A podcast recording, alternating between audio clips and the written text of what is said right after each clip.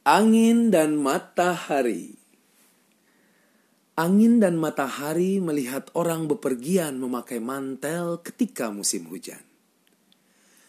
Memang bijaksanalah sikapnya demikian untuk mencukupi diri dengan perlengkapan.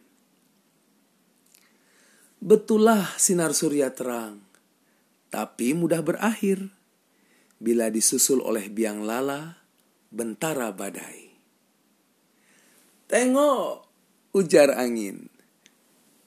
Itulah dia musafir yang mengira aman terhadap segala. Sampai-sampai disangkanya aku tak berdaya.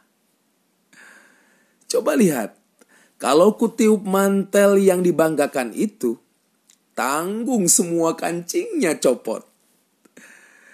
Wah, alangkah nikmat melambungkan dia ke udara. Kau setuju? Aku berani bertaruh, kawanku, jawab matahari. Tanpa banyak omong, siapa paling cepat berhasil melarikan baju dari bahu orang ini? Lebih dari itu, tak perlu bagi angin yang degil dengan nafas terhimpun, ia meniup bergemuruh. Sampai banyak atap jatuh dan kapal tenggelam. Tapi walaupun dia sampai mengaduh dengan gaduh, musafir tadi bertahan diri dengan geram. Tambah ganas angin itu melecut padanya, tambah lengket jas hujan melingkupi badannya. Sia-sia ia menyeret kuda serta penumpang dan tak guna sang waktu liwat menghilang. Sesudah lampau giliran angin, matahari memancarkan sinarnya ke bumi lagi.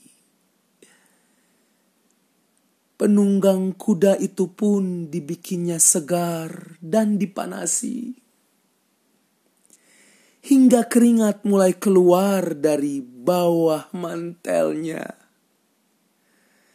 Oleh kemauan sendiri, baju itu ditanggalkannya. Sebelum matahari perlu menggunakan seperempat tenaganya.